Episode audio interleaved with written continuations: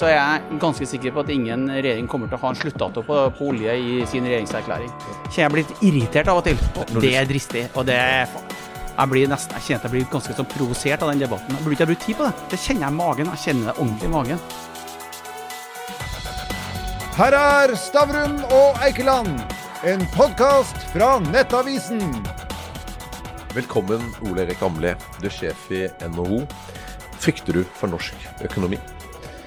Nei, det gjør jeg ikke akkurat nå. Eh, det ser ganske bra ut. Eh, men det er ikke helt sikkert at det går bra. Det går bra en liten periode nå.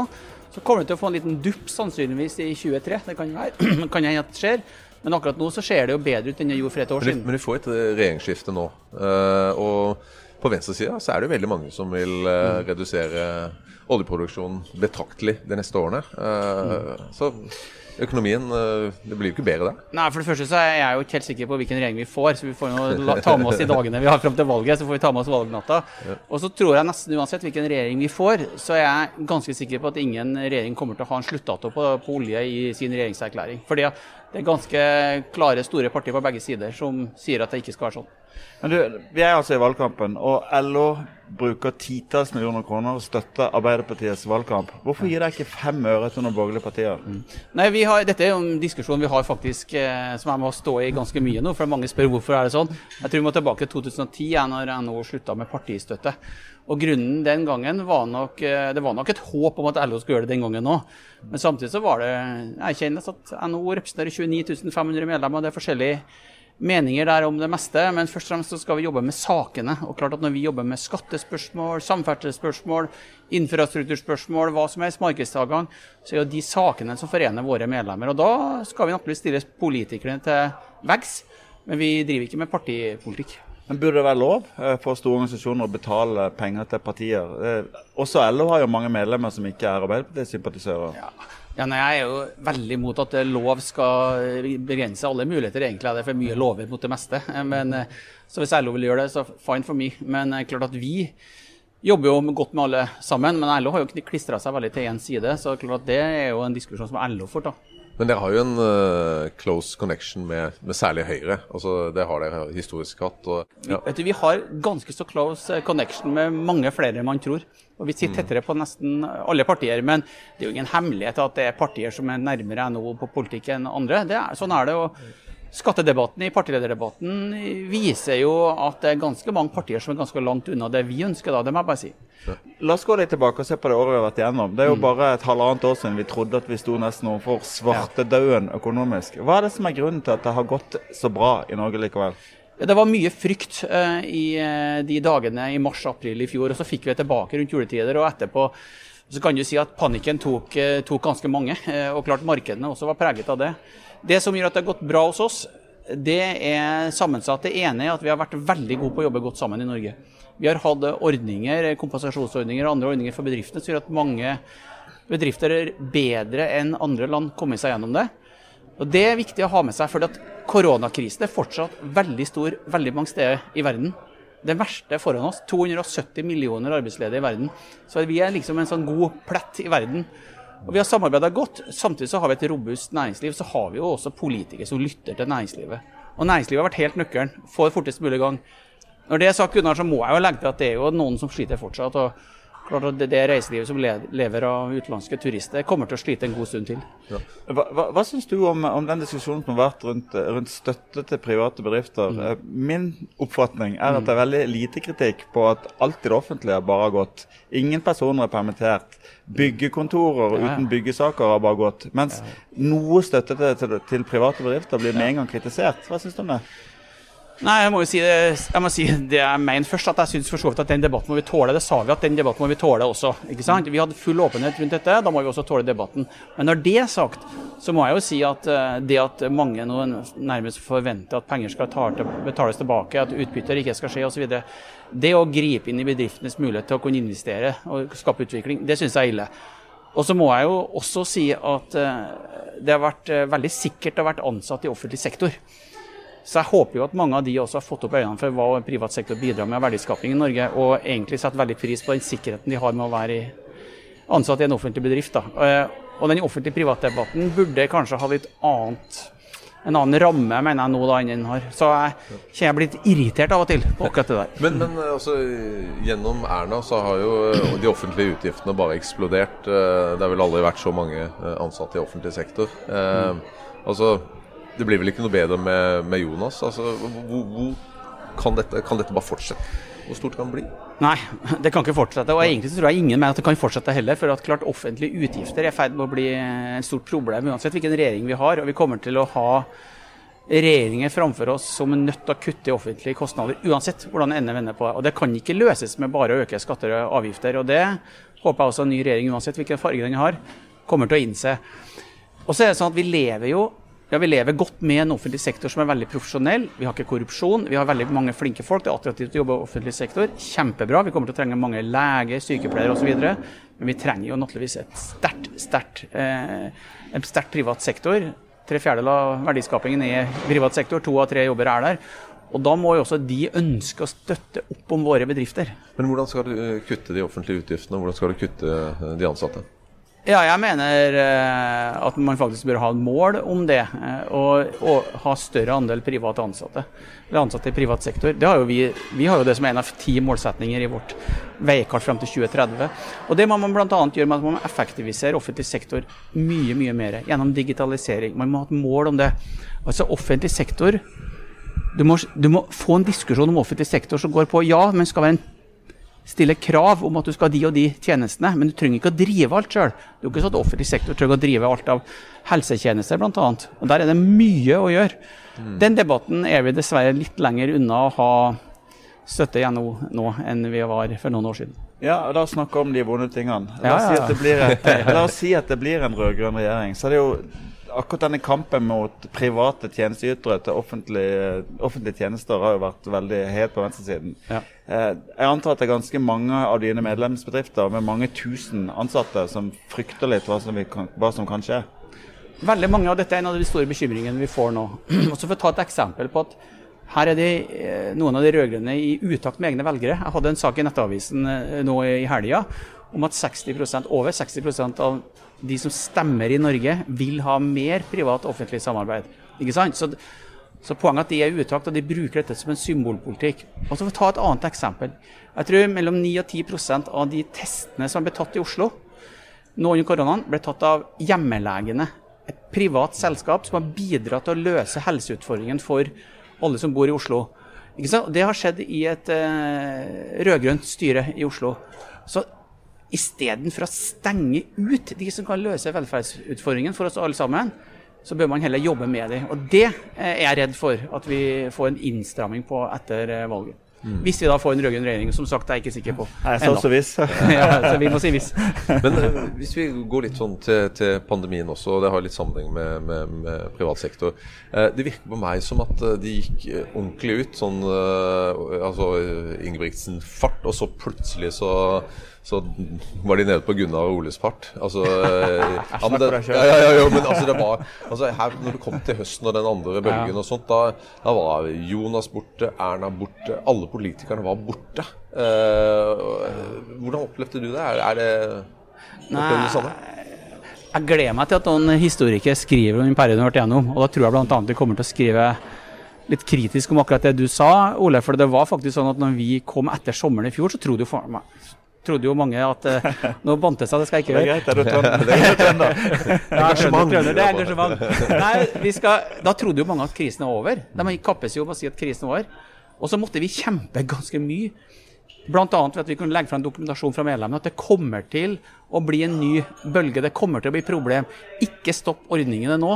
Ikke slutte å redde bedriftene akkurat nå. Så fikk vi jo en verre situasjon i Oslo utover eh, mot, eh, mot jul. Og så smalt det jo ordentlig i hele landet, egentlig fra jul og fram til, til etter påske, i mai-juni. Og lærdommen av det, av det, at utholdenhet er en politisk eh, det er en politisk eh, eller undervurdert politisk øvelse. Mm. Og jeg mener at det kommer til å bli ettergått akkurat det. Nå, nå fikk vi til det uansett, da, så vi fikk jo ordningen på plass. Men det var litt vanskelig for oss da å nå gjennom. Er du redd for at noen, noen av de tiltakene vi har lagd midlertidig, kan bli varige? Ta et eksempel. Plutselig så blir det feriepenger på permitt permisjoner. Det, det er jo egentlig implisitt en 10% økning i permitteringsgodtgjørelsen. Ja. Er du redd for at det skal bli for lukrativt? Ja. Jeg er redd for det. Og jeg er redd for at noen av ordningene vi har vært med å kjempe gjennom, også kommer til å bli videreført. Så vi må være ganske edruelige en og hver nå. For at det koster mye penger. Det er brukt mange mange milliarder kroner. Eh, det har vi gjort vel vitende at vi måtte bidra til å redde bedriftene, men vi må tilbake eh, til en eh, situasjon hvor vi ikke bruker mer penger enn vi har. Og det ansvaret påhviler meg og veldig mange andre. Det er lett å putte penger på noe. Ta det bort er vanskelig, så det kommer vi til å måtte stå til ansvar for meg, flere av oss. Det er ikke lett å finne eksempler på, i norsk politikk på at ting er tatt bort. Ja. Nei, og de eksemplene blir jo brukt mot alle politikere for så vidt nå. ikke sant? Og, og hvis vi ser perspektivmeldingen som ble lagt fram innimellom alt mulig annet nå, så ser vi at vi kommer til å ha store problemer med å få dette til å gå i hop uten å mye å tappe oljefondet. Og det er dårlig nytt. Så politikere må være litt edruelige, og så må vi som ber om penger også være litt edruelige. Vi må be om penger som fører til verdiskaping på sikt. Så dette er en øvelse som jeg tror mange kommer til å kjenne på. Men eh, Mange av dine medlemmer de, de ble jo ramma hardt av disse nye klimatiltakene og klimaavgift og osv. Mm. Er, det- er det mye uro eh, i rekkene dine nå? Ja, Det er kanskje noe av det aller mest gledelige nå, det at det, at det er lite uro. Det er tvert imot en veldig uro for å få gjort veldig mye. Så, så det er faktisk sånn at det er ikke noe stor bekymring for eh, avgif, avgifter osv. Det er stor bekymring for om man får nok fart sammen med politikerne for å løse klimautfordringene. Skape de store batterisatsingene, hydrogensatsing, havvind, karbonfangst og -lagring. Og hele Arendalsuka bærer jo preg av at vi snakker om muligheter nå. Jeg sa det at når man historiebøkene oppsummerer denne Arendalsuka sammenligna med den for to år siden, så var det denne gangen snakk om muligheter. Og bedriftene vil kjøre på. Så det bekymringen er nok mer på om man er fått opp øynene eh, i- på, på politisk eh, nivå hos eh, departementet på, på å la bedriftene få lov å løse det. Så det om CO2-avgiften blir 2000 kroner eller hva det blir, eh, det tåler vi. Det viktigste er man villig til å legge til rette for, annet for at bedriftene får løse det. Ta et eksempel. da. At Vi diskuterer i Norge om vi skal ha EØS-avtale. Altså, vi burde diskutere mer markedsadgang, ikke mindre. Altså, det er dristig, de som snakker om å si opp EØS-avtalen. Det er dristig. og det er... Jeg, blir nesten, jeg kjenner at jeg blir ganske sånn provosert av den debatten. Jeg burde ikke ha brukt tid på det. Men når du sier mer markedsandel, det vil jo si EU-medlemskap? Ja. Nei, ja, det, ja, Nå har vi jo ganske så god markedstilgang til EU, men det er like mye at vi må få avtale med andre land. Vi, har, vi er et av de landene i, i Europa som har minst eh, færrest avtaler. Vi har ikke avtale med USA, vi har ikke avtale med Kina, vi har ikke avtale med India, vi har ikke avtale med Brasil. Den er ikke ratifisert, i hvert fall. Så poenget er at vi må jo få mer, flere avtaler.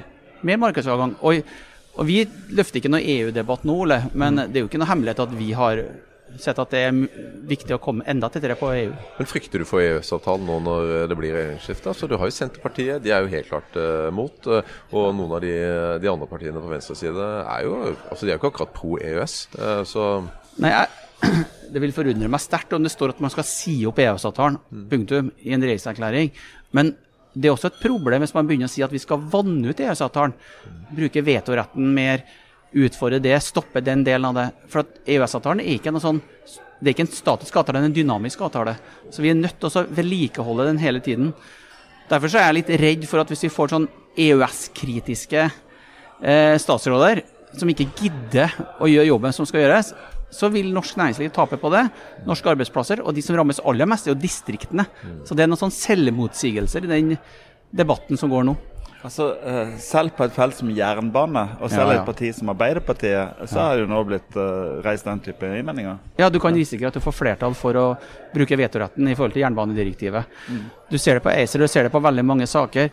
Så jeg vil jo gjerne ha en regjering som er mer offensiv mot Europa. Som bruker mer tid på å knytte oss mot Europa. Europa er EU er mye mer offensiv på klimasiden enn oss.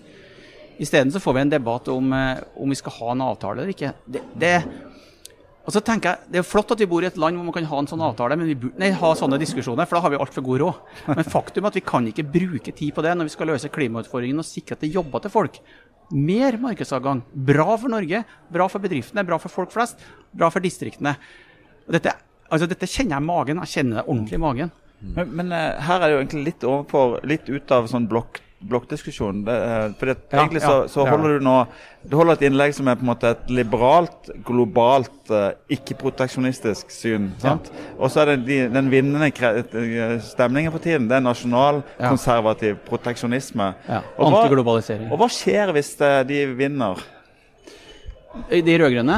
Nei, de nasjonalkonservative proteksjonistene. Ja, på et vis så kan du si at sånn internasjonalt så har det jo vunnet litt. ikke sant? Heldigvis så var det sånn at Biden ble valgt, ikke Trump, men du ser jo det er veldig mange land i Europa.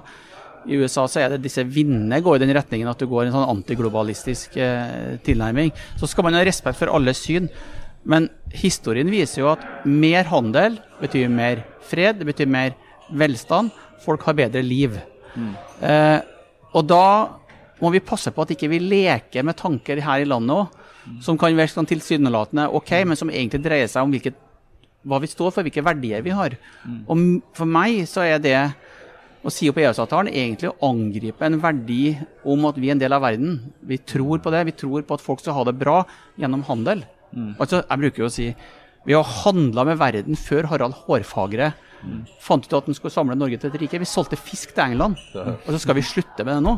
Magnus Lagabøtter ga bort eh, øya Man for å få til en handelsavtale med Storbritannia. Storbritannia. Ikke sant?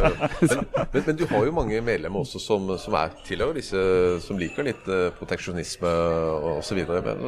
Hvordan klarer du å håndtere de forskjellene eh, innad? For det må jo være litt eh, De må jo ikke like det de hører nå. Er det Tine du tenker på? Nei.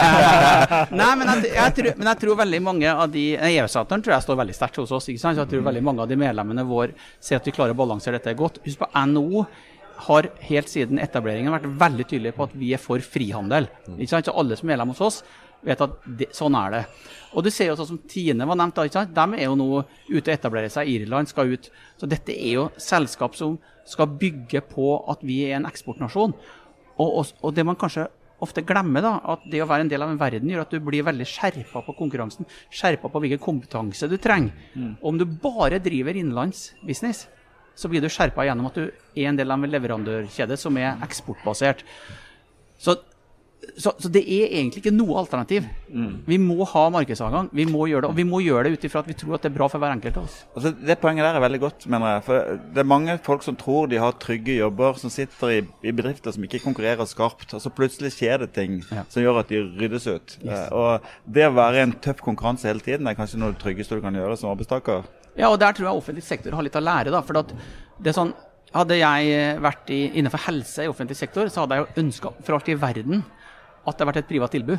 Så jeg kunne ha målt meg mot. Så konkurrert om innovasjoner, teknologi. Og det, og det var morsomt i Nettavisen-saken, som jeg anbefaler alle å lese. da, Så er det en politiker, jeg trenger ikke å nevne navn, for det ser dere i saken, som er litt sånn kritisk til å ha private helsetilbud, for da kan vi få gode arbeidsvilkår for de ansatte. Ja, akkurat. Fine. Ikke sant? Det må jo være innmari bra å få konkurranse om eh, de beste huene og beste hendene. Men, ja. Men nå, nå går det jo uh, veldig bra uh, i Norge. Norsk industri er tilbake, Uh, nesten Ja, i hvert fall. men, men Så nå kan vi forvente oss et fantastisk bra lønnsoppgjør for de ansatte? Nei, ja Godt spørsmål. For det første så går det litt det går bra mange steder, men det er også fortsatt litt nyanser. og vi må se an litt. Det er jo f.eks. sentralbanken i de største og mest seriøse nasjonene i verden er jo litt redd for blir det inflasjon også, så at vi må jo se Det er liksom tipping point på mye av det. Når det gjelder lønnsoppgjøret, så, så bruker jeg som man sier, det er alltid slik at vi har god tradisjon for å forhandle fram gode lønnsoppgjør i en trygg forståelse at lønnsdannelsen over tid skal gjøre norske bedrifter konkurransedyktige. Det gjør vi hvert år. og Nå har vi et hovedoppgjør foran oss. eh, Så får vi se hvordan vi kommer, eh, kommer inn i det. Men, men vi har altså klart å løse store utfordringer med lønnsdannelse i Norge. Det må jeg si er ganske imponert over å være en del av et sånt system. Ja, Men det kan fort bli, bli relativt uh, hissig der, for det, de, de kommer ikke til å gi med dørene, Nei, det må jeg si, Ola, at hvis, at vi, har et lønns, hvis vi har lønnsforhandlinger uten at noen er hissige, så må jeg si at da har vi bomma helt. Det, jeg har også evne til å bli hissig. Men, men LO og NHO da, har jo, og våre systemer har utrolig lang tradisjon med at vi kjører på. Vi har noen uenigheter, så lander vi det. Det er lenge siden det har vært store streikesituasjoner. Altså. Altså, eh, Og vi streika ikke i år. Nei, De streika. Og, og, og hvis du ser på antall tapte tapte dagsverk pga. konflikter i Norge, så Ja. ligger det jo ekstremt lavt. Vi må jo tilbake til 86 eller sånn, på et voldsomt stor, stort problem. Yes. Men, men litt tilbake til året som har vært. eh, Har dere møttes noe særlig i NHO-bygget? Nei, vi har jo i likhet med veldig mange andre i det området av landet vi bor i, da, måttet satse på hjemmekontor. Og veldig mye med digitale møte, møter og Teams osv. Og, og det har gått eh, veldig bra. Eh, og nå er vi i gang igjen. Eh, det var kø i kantina nå rett før Arendalsuka. Det var veldig hyggelig. Men, eh, så det er veldig bra. Men jeg tror nok vi kommer over en annen type arbeidsliv. Jeg tror vi kommer til å lære veldig mye av det vi har vært gjennom. Folk kommer til å være med hjemme. Men det som jeg kanskje kjent på litt bekymring på, er at mange av de unge vi har ansatte ved inngangen til krisen, har kjent på det at det å ikke være i et kollegium det har vært litt utfordring. Jeg, jeg ville nemlig akkurat ut du, du Ja. brakte dette. Hva tror du kommer til å skje med arbeidslivet i Norge etter dette året? Hva, hva har vi lært, og hva slags arbeidsformer får vi? Nei, jeg tror vi kommer til å få mer hjemmekontor. Det er mer fleksibelt. Man finner gode løsninger mellom ansatte og ledere. Eh, Og litt uavhengig av bransjer så får man til det veldig godt. Og så er det noen bransjer som ikke kan ha hjemmekontor. Om du bygger hus, så bygger du hus. Men i andre bransjer så er det mulig å få til. Så du får mer fleksibilitet. Og så tror jeg vi må prøve oss litt fram Gunnar, på hvordan dette blir. Men eh, vi har jo et tillitsbasert arbeidsliv i Norge. Og det at du kan ha noen på hjemmekontor og si at leveransen kommer, det er ikke sånn i alle, alle land. Så det har vært veldig deilig å se. Altså, jeg er ikke så, så god som deg på, på avtaleforhold, men så i Nettavisen da jeg innførte bare fri, eh, fri arbeidstid og arbeidssted, så ble jeg påtalt av klubbformannen at her endra hovedavtalen uten å ha tatt det med på forhandling. Eh, Så, så hva, hva må skje avtalemessig på denne Ja. fasiliteten? Ja, og så tror jeg, jeg, jeg tror jo av og til at den gode vilje faktisk er et godt utgangspunkt for å få til gode avtaler. Da. Eh, nei, du, det er jo en del juss, det, det er mye juss i dette, ikke sant? Og, da, og vi har jo sagt at det er mye bedre da, istedenfor å gjøre dette som veldig justungt nå, så kan hver enkelt eh, arbeidstakerorganisasjon lokalt sammen med ledelsen lokalt prøve å finne gode løsninger. Så prøver vi oss fram og ser hvordan dette går. Det har jeg nok som en god og Det å endre f.eks. hovedavtalen nå, basert på det vi har opplevd nå, det tror jeg er for tidlig. Så vi finner gode løsninger. Det tror jeg er lurt. Eh, nå kan vi jo legge litt miner for den rød-grønne regjeringa hvis det kommer. Eh, offentlige pensjonsordninger, det er jo en verkebyll som henger der. Eh, når skal man ta fatt på det? Ja, nei, vi, ja, det er jo, ja, men jeg kan jo være veldig åpen og ærlig på det. For at jeg tror at vi har vært veldig tjent med at vi har hatt mest mulig samordning mellom offentlig og privat når det gjelder pensjonssystemet. Og det er mange årsaker til det. En at vi skal ha en bærekraftig eh, Vi skal klare å finansiere alle pensjoner framover. Det er en, en sak. Det andre er jo at vi må ha systemer for pensjon som gjør at du kan få bevegelse mellom offentlig og privat sektor. Ikke sant? Og det, og det er for lite bevegelse. Mobiliteten er for lav, da. Så jeg vil nok tro at på et eller annet tidspunkt så kommer den debatten opp igjen. Vi får se når den kommer. Og da bør man gjøre det på en ordentlig måte, gjennom godt samarbeid i treparts, eh, trepartssamarbeidets ånd. Og med eksperter og professorer og alle mulige med, og gjøre det ordentlig. Ikke hastig. Men det må komme en gang. Men i gamle dager så kunne vi stole på Arbeiderpartiet i sånne situasjoner hvor det måtte tas helt nødvendige tunge reformer som var litt vond også på venstresiden. Men i dag har jo ikke Arbeiderpartiet den posisjonen at de kan gjøre det. Nei, vi får nå se da om det kommer noe. Det, det får nå de svare på. Men det var jo interessant å lese Jens Stoltenbergs bok. Mm. Den boka syns jeg var innmari bra. og Han skriver veldig godt om mye. Og han tar sjølkritikk akkurat på dette. At pensjonsreformen kom nesten i havn, men ikke på det området her. Og Han kjenner- hoppa jo av i Ja. time. Ja, og, og det var sikkert Chicken out, rett og slett. Ja, ja men det var, litt, det var en del gode grunner til det den gangen òg. Men jeg tror nok at vi har behov for en stor pensjonskommisjon igjen med en ordentlig gjennomgang. hvor at Egentlig så hviler det veldig mye på Arbeiderpartiet, men, det, men hvis Arbeiderpartiet og Høyre blir enige, så er det ofte veldig Og hvis NHO og LO blir enige, så blir det ofte sånn, da. Det kommer til å være framover òg. Du fikk Stavrum og Eikeland, en podkast fra Nettavisen.